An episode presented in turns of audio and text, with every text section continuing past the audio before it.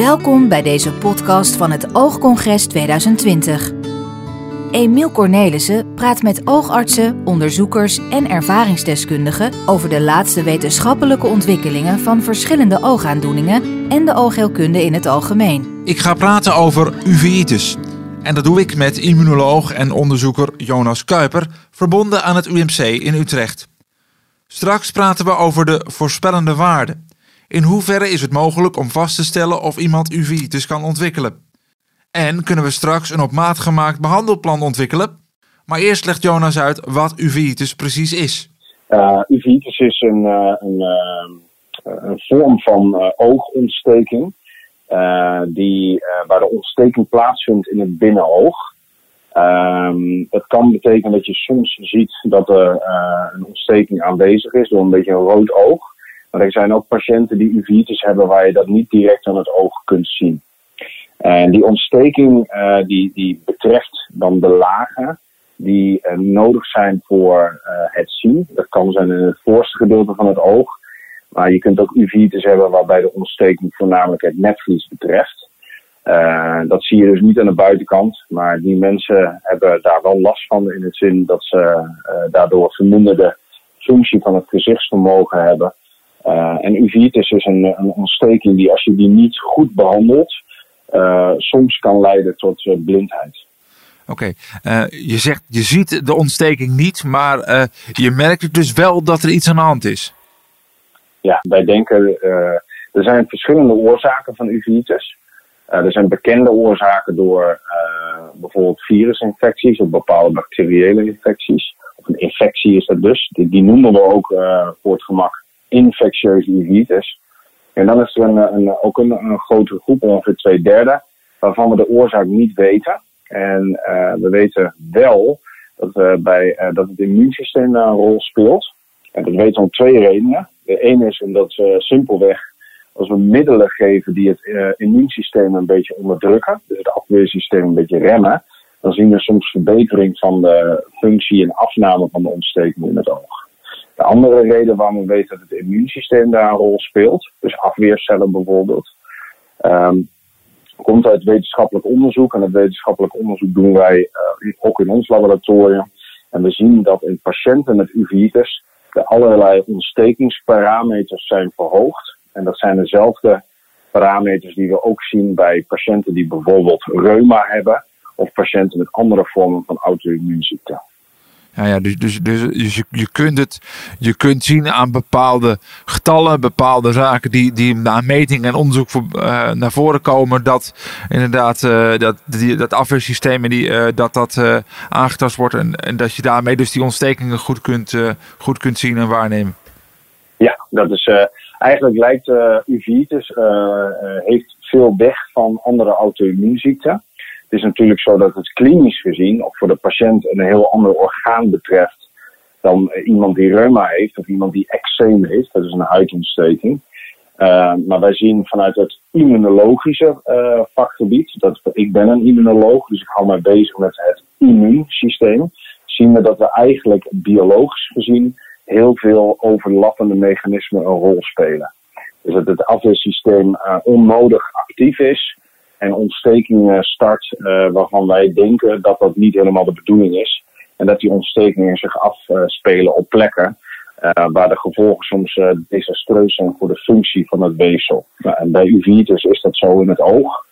Als daar een ontsteking plaatsvindt, er schade kan ontstaan aan het oog, waardoor deze niet helemaal goed functioneert. Nee, maar nou hou je dus ook echt bezig met dat afweersysteem. Uh, betekent dat dan ook als je dus uh, die ontsteking in je oog hebt, dat dan sowieso ook het afweersysteem zelf ook op andere plekken misschien dingen gaat doen die je misschien niet zou willen? Of hoeft dat niet? Ja, dit is, de, dit is wel een beetje een, een, uh, een, een school, zoals we dat dan noemen. De, aanvankelijk werd de aandoening uveitis altijd gezien als orgaanspecifiek. Daar bedoelen we mee dat we altijd dachten dat de ontsteking zich alleen in het oog plaatsvindt. Maar we weten uit het wetenschappelijk onderzoek wat we uh, doen in uveitis, en ook andere groepen in de wereld doen daar onderzoek naar, dat patiënten met uveitis ook vaak verhogende ontstekingswaarden hebben in het bloed. En uh, wellicht ook in andere weefsels. de hoeveelheid data daarvan is nog, is nog niet zo rijk dat we daar hele duidelijke uitspraken over kunnen doen. Maar wel hebben we gepubliceerd dat we op verschillende plekken van het afweersysteem in het lichaam uh, verhoogde ontstekingsactiviteit zien. Je zou dus kunnen zeggen dat uveitis eigenlijk een soort uh, een auto-immuunziekte is waar het hele afweersysteem een beetje ontregeld is. Maar dat de primaire, wat je aan het oppervlakte ziet, dus zeg maar het topje van de ijsberg, dat dat de uveitis is. En het, zal, het is dus ook zo dat mensen met auto-immuunziekte een groter risico hebben op het krijgen van uveitis en andersom. Dus wat we eigenlijk zien is dat uh, patiënten met uveitis vaker dan uh, niet-patiënten ook een andere auto-immuunziekte ontwikkelen. een goed voorbeeld daarvan is bijvoorbeeld reuma. Een, een, groot deel van patiënten die reuma, verschillende vormen van reuma hebben, ontwikkelen ook vaak uveitis en andersom. Um, is het nou zo dat de uveitis uh, op elke leeftijd voor kan komen? Of ben je dan al ouder of maakt dat niet uit? Nou, het is, uh, het is zo dat uh, uveitis zogenaamde ook een grote economische impact heeft, maar ook een impact voor de individuele patiënt zelf. Juist om het feit dat uveitis een, een, een aandoening is die mensen van verschillende leeftijden beïnvloedt en daar een impact op heeft. Dat kan een hele jonge leeftijd zijn, het zogenaamde kinderuveitis. Uh, er zijn verschillende vormen van bekend. Eentje daarvan is de uveitis die voorkomt bij kinderen met jeugdreuma. Dat is toch best wel veel relatief een van de meest voorkomende chronische aandoeningen bij kinderen. En ongeveer 1 op de 4, 1 op de 3 daarvan krijgt de uveitis. Dus dat is heel jong. Er zijn ook vormen van uveitis die op wat latere leeftijd zich voornamelijk openbaren.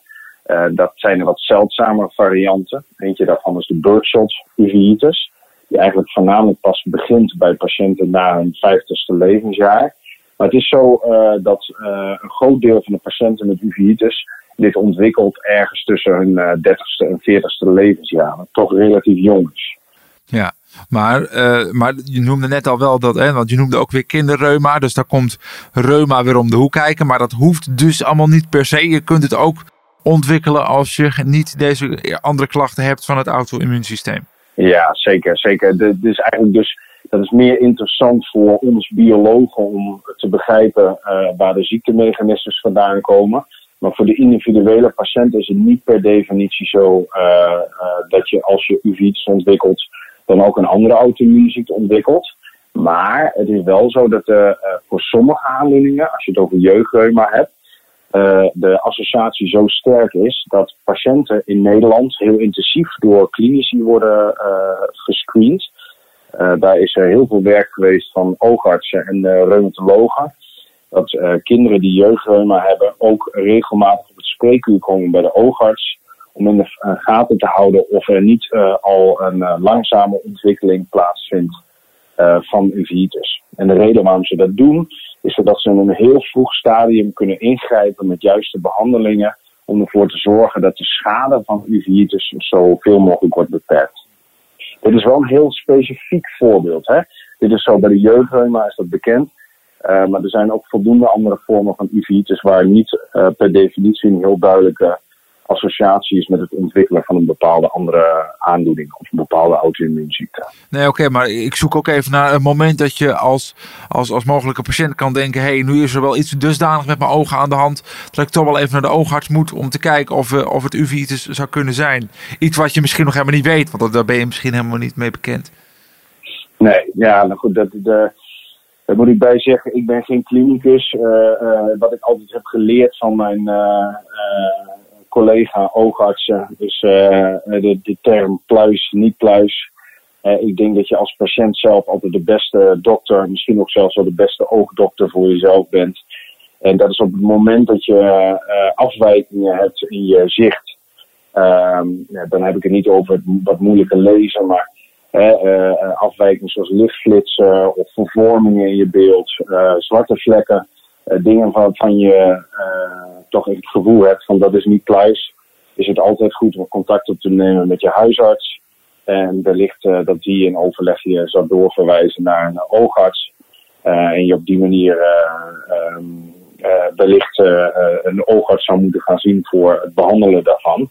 Daar moet ik wel bij zeggen dat de klachten die patiënten kunnen ervaren, die passen bij uveitis niet per se heel specifiek zijn. Er zijn heel veel verschillende vormen van oogaandoeningen. Uh, waar, zoals ik zei, vlekken en flitsen, et cetera, voor kunnen komen.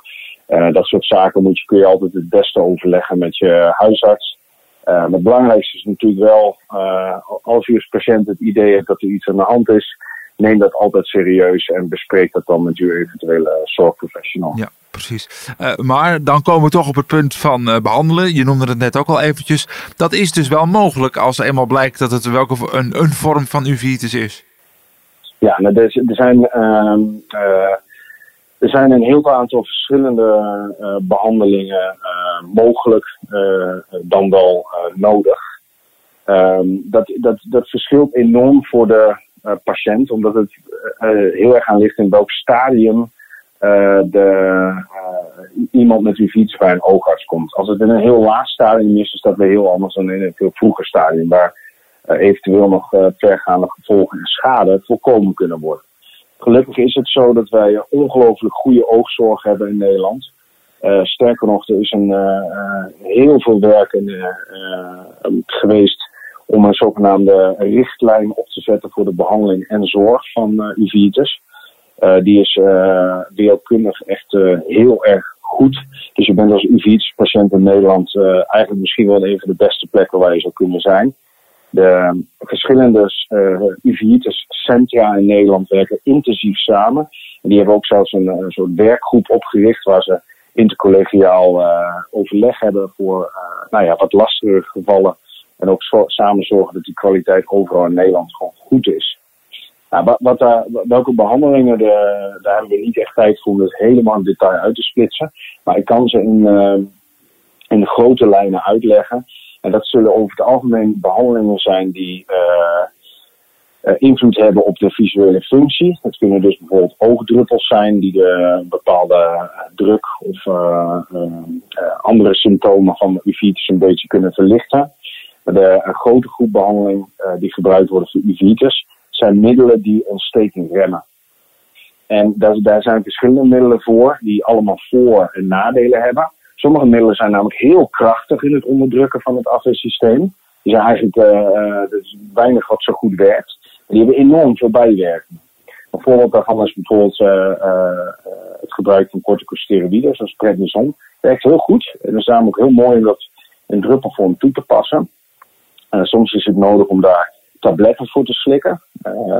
Dat werkt ook relatief goed. Uh, maar dat heeft altijd de voorkeur om dat uiteindelijk te wisselen met andere medicijnen die ook het immuunsysteem kunnen sturen. Dat is misschien een betere term.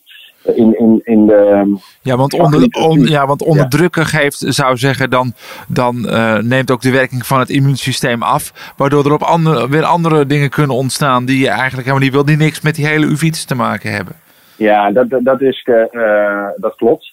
Uh, maar dat, dat, is, dat is altijd een beetje een wisselwerking. Het is natuurlijk nooit zwart-wit. Het is niet zo dat we het hele systeem plat leggen of het hele systeem aanstaat. Uh, daarom spreken we ook wel van zogenaamde immuunmodulatie. Dat is een duur woord voor eigenlijk sturing van het afweersysteem.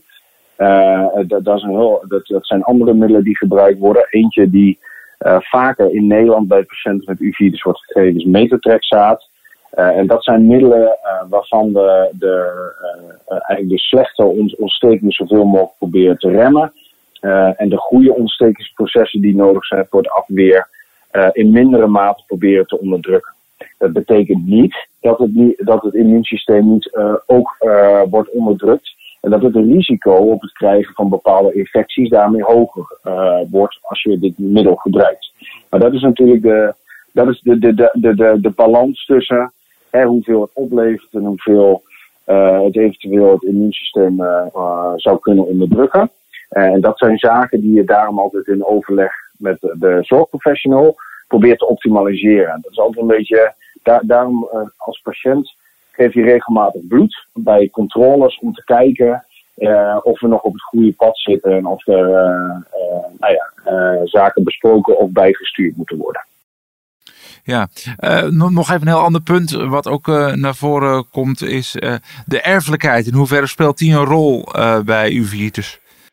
Um, erfelijkheid, als we spreken over de DNA-code, dan weten we dat bij ontstekingsziekten in de algemene zin, auto-immuunziekten, de veranderingen in het DNA zijn die vaker voorkomen in mensen met deze chronische aandoeningen. Dat is ook zo bij uveitis.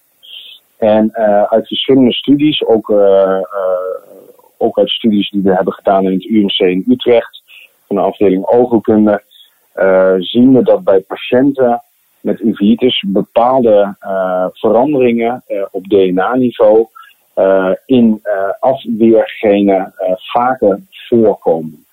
Dat betekent dat we weten dat er genetisch gezien gevoeligheid kan zijn voor het ontwikkelen van uveitis. Dat gezegd hebben, is het wel heel belangrijk om te zeggen dat we deze veranderingen vaker zien bij mensen met uveitis. Dat betekent dat we daardoor begrijpen dat deze factoren, deze genen, dat zijn stukjes van het DNA, een rol spelen bij uveitis. Het is niet zo dat als je deze veranderingen hebt in je DNA, je per definitie uveitis krijgt. Waarom we dat weten is omdat we in deze studies zien dat deze veranderingen ook voorkomen bij uh, gezonde mensen die geen uveitis ontwikkelen. Er is een vorm van uveitis, die heet Birdshot uveitis. En uh, alle patiënten hebben een bepaalde verandering in het HLA-gen. Dat is een, een gen die uh, een, een, belangrijk molecuul waarmee het immuunsysteem communiceert. HLA-molecuul. Dus alle patiënten met Burkitt uveitis hebben HLA-A29. Dat is gewoon een groep. Dat, daarmee zou je kunnen concluderen hey, dat HLA-A29 veroorzaakt uveitis. Want je ziet het in al die patiënten. Toch is het zo dat 10% van de normale Nederlandse bevolking ook HLA29 heeft. Dat is wel een heel stuk minder, hè, in plaats van 100% 10%. Maar het is niet zo uh, dat 10% van Nederland op uveitis heeft. Sterker nog, dit is een vrij zeldzame aandoening. Dat zijn er maar ongeveer 200 tot 300 patiënten in Nederland, naar schatting. Dus dat betekent dat het alleen hebben van één zo'n verandering niet voldoende is voor het krijgen van de hele uh, van uveitis. Nee, maar eventjes dus die erfelijkheid, even, even samenvattend, is dus eigenlijk als je uveitis hebt, als je bent uveitis patiënt, is het dus niet per, definitie nodig dat je ook meteen eh, je kinderen, je familie laat testen, want die kunnen, uh, hoeft helemaal niet zo te zijn dat zij ook een vorm van uveitis ontwikkelen of hebben ontwikkeld. Precies, stel we vinden een, een, eh, een DNA-verandering in u als patiënt en we weten ook dat die een rol speelt in het ziektebeeld, althans dat denken we. Dan kan het zijn dat we, uh, stel u laat uw hele familie testen, dan zullen er mensen zijn die misschien die verandering ook krijgen, maar helemaal geen uveitis ontwikkelen. dus, dus, dus, het hoeft, dus het hoeft eigenlijk, uh, je hoeft daar niet meteen, uh, meteen bang voor te zijn van ik heb het, dus iemand anders heeft het. Uh, zou het ook zomaar kunnen hebben in mijn omgeving. Maar al dat, al dat, al dat onder, verschillende genen zijn dus, spelen dus een belangrijke rol. Het zijn meerdere genen die een rol spelen bij het ontwikkelen van uveitis. Vormen zij dan ook de voorspellende waarden? Je zou kunnen zeggen dat je, als, waar wij aan werken in ons onderzoek, is dat we uh, uiteindelijk proberen te kijken of we naast het voorspellen van uveitis in, in laten zeggen, de normale bevolking, uh, we ook willen kijken of als iemand uveitis heeft, hoe de, het ziektebeeld gaat verlopen. Of we een voorspellende waarde kunnen vinden bij of je bepaalde medicijnen nodig hebt, ja of niet. Of iets zouden kunnen zeggen over het eventuele verloop van het gezichtsvermogen. Dat zijn allemaal wensen die wij hebben. Dat zijn wensen die patiënten hebben. Zeker op het moment dat je gediagnosticeerd wordt, heb je een heleboel vragen over wat nu, wat, gaat, wat kan ik verwachten. Uh, en in ons onderzoek proberen we uh, dit soort factoren mee te nemen. Uh, naast het kijken in genetisch onderzoek doen we dat ook door het meten van en het in kaart brengen van het afweersysteem van patiënten met uveitis. dat doen wij door zogenaamde big data van het afweersysteem te verkrijgen. Uh, dat, dat zijn dus uh, tienduizenden tot honderdduizenden datapunten die we meten in het bloed of in het oogvocht van verschillende afweercellen, verschillende van die kleine eiwitstukjes waar ik het net over had, de cytokines. En die proberen we met wiskundige en computermodellen uh, allemaal te integreren om zo'n soort biologische vingerafdruk te krijgen van de individuele patiënt. Dat doen we op dit moment nog in een experimentele fase. Dus wat wij doen is vooral, het kost heel veel jaar en heel veel tijd. Wat we nu doen is, mensen doen mee met ons onderzoek. wij kunnen zo'n biologisch plaatje maken van een patiënt. En die informatie proberen te gebruiken om te voorspellen, om te zien wat er in de uh, klinische gegevens uh, gebeurt. Dus we kunnen bijvoorbeeld kijken of er biologische vingerafdrukken zijn in het bloed die samenhangen met het gebruik van medicijnen of met de, de eventuele effectiviteit van zo'n medicijn. En we hadden het net over Humera, een anti-TNF. Nou, het zou misschien heel mooi zijn dat we in de toekomst kunnen vaststellen bij een nieuwe IVIDUS-patiënt dat die eigenlijk over twee jaar Humera nodig heeft zodat we op een eerder moment zouden kunnen ingrijpen en starten met zo'n behandeling. Dat willen we natuurlijk. is dat ook het doel dan van, sorry dat ik je onderbreek, maar is dat dan ook het doel van het onderzoek? Dus dat je straks, als het klaar is, enigszins kunt uh, beoordelen of sneller kunt beoordelen, hé, hey, die uveitis zou die kant op kunnen gaan. En dat kunnen we al eerder afremmen met bepaalde medicijnen dan dat we dat nu kunnen? Ja, je, je, uh, dat, dat noemen wij de zogenaamde behandeling op maat. In het Engels noemen ze het ook al personalized medicine. Dus dat we straks voor de individuele patiënt een behandelplan kunnen maken op basis van de biologische vingerafdruk uh, die we hebben kunnen vaststellen. We gaan er natuurlijk niet bij iedere patiënt om tienduizenden meetpunten doen. We proberen dat terug te brengen naar een soort voorspellend model waar we deze factoren hebben geoptimaliseerd, zodat we dit inderdaad kunnen doen. De reden waarom we een behandeling op maat willen doen, is juist om hetgene waar we zojuist over spraken, dat die middelen die het immuunsysteem onderdrukken ook bijwerkingen hebben. Uh, want we willen niet iedereen onnodig blootstellen aan de effecten van uh, deze geneesmiddelen. Alleen voor degene waar dat echt nodig is om ervoor te zorgen dat de uveitis zoveel mogelijk in, uh, onder controle blijft. Dus een behandeling op maat door voorspellende modellen. En we zijn nu in de experimentele fase waar we de eerste resultaten in ieder geval veelbelovend zijn. En waar we zien uh, dat bepaalde waarden in het bloed uh, wat kunnen zeggen over het verloop van het gebruik van grotere groepen medicijnen in grotere groepen patiënten. Dus we kunnen dat nog niet op de individuele patiënt, uh, maar we hebben wel de eerste gegevens die laten zien dat het idee van een behandeling op maat kan met het gebruik van een biologische vingerafdruk. Zulke studies noemen we proof of concept, dus het conceptidee, dat dat überhaupt zou kunnen werken. Uh, daar lopen de rollen die eerste resultaten nu uit ons onderzoek aan. Ja, dus, dus de, resultaten die, die dan aantonen of zo'n zo'n biologische vingerafdruk kan werken, die komen. Die, die, daar, daar zijn we nu mee bezig. En daarna moet je nog gaan kijken, als we dan weten het kan, zo'n biologische vingerafdruk, hoe moeten we die dan goed toepassen op de individuele patiënt?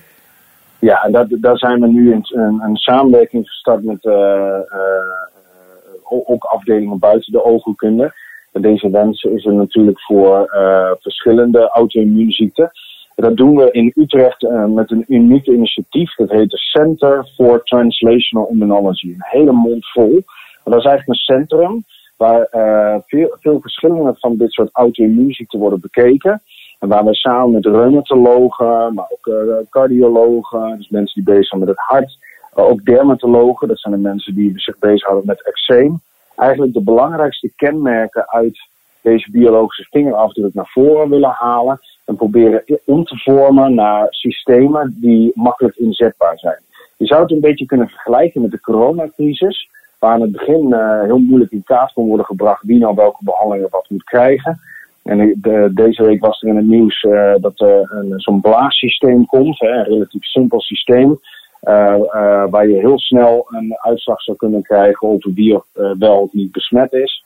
Maar wij hopen in de toekomst dat je als patiënt in, in Utrecht of waar dan ook in Nederland binnenkomt en als er vast wordt gesteld dat er iets aan de hand is met het oog, bijvoorbeeld uveitis, je met een buisje bloed en, en, een risicorapportje krijgt waar je samen met de oogarts doorneemt van welke risicogroep je valt en welk behandelplan het beste past voor jou als individuele patiënt. Heb je enig zicht op wanneer zo'n individuele behandeling echt mogelijk zal zijn?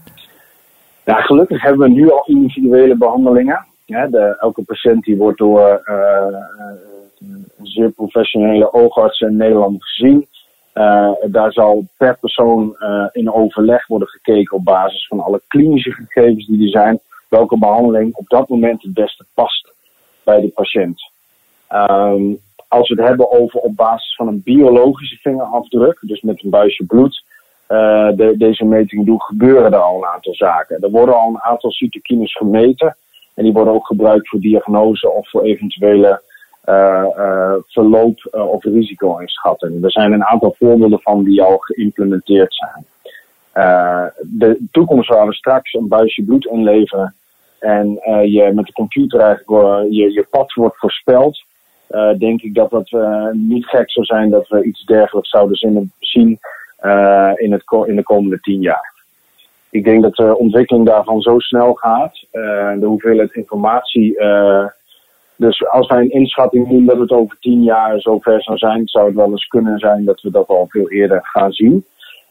Dan heb ik het nog over ouderwetse methoden zoals bloed afnemen en daarin iets meten. Uh, tegenwoordig zijn er steeds meer mensen die Apple Watches of Google Watches uh, dragen. wie weet dat we ergens in de verdere toekomst uh, je straks op basis van je, je smartphone of je, je smartwatch informatie krijgt over je afweersysteem, waardoor er direct een afspraak wordt gemaakt met je huisarts.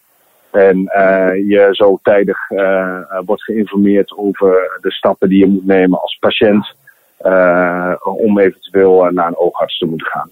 Dat, dat is allemaal ja, verder dus toekomst. Dat, ja, maar toch, ik vind, het vind het interessant dat, je die, dat jij dit soort ontwikkelingen noemt. Want daarmee zeg je wel als onderzoeker, dit vind ik ontwikkelingen die ik, die ik toejuich. Ja, absoluut. Zeker. Ik denk, uh, uh, kijk, als onderzoeker gaat het mij, is, is het toejuichen, gaat het om of het makkelijk voor de patiënt is, of we het risico kunnen verlagen op blijvende schade. En de keuze voor eventuele technologische ontwikkelingen of ontwikkelingen die we vanuit het onderzoek doen om daar bij te dragen, die, die juich ik altijd toe. Bedankt voor het luisteren naar deze podcast van het Oogcongres 2020. Voor meer informatie ga naar www.oogcongres.nl.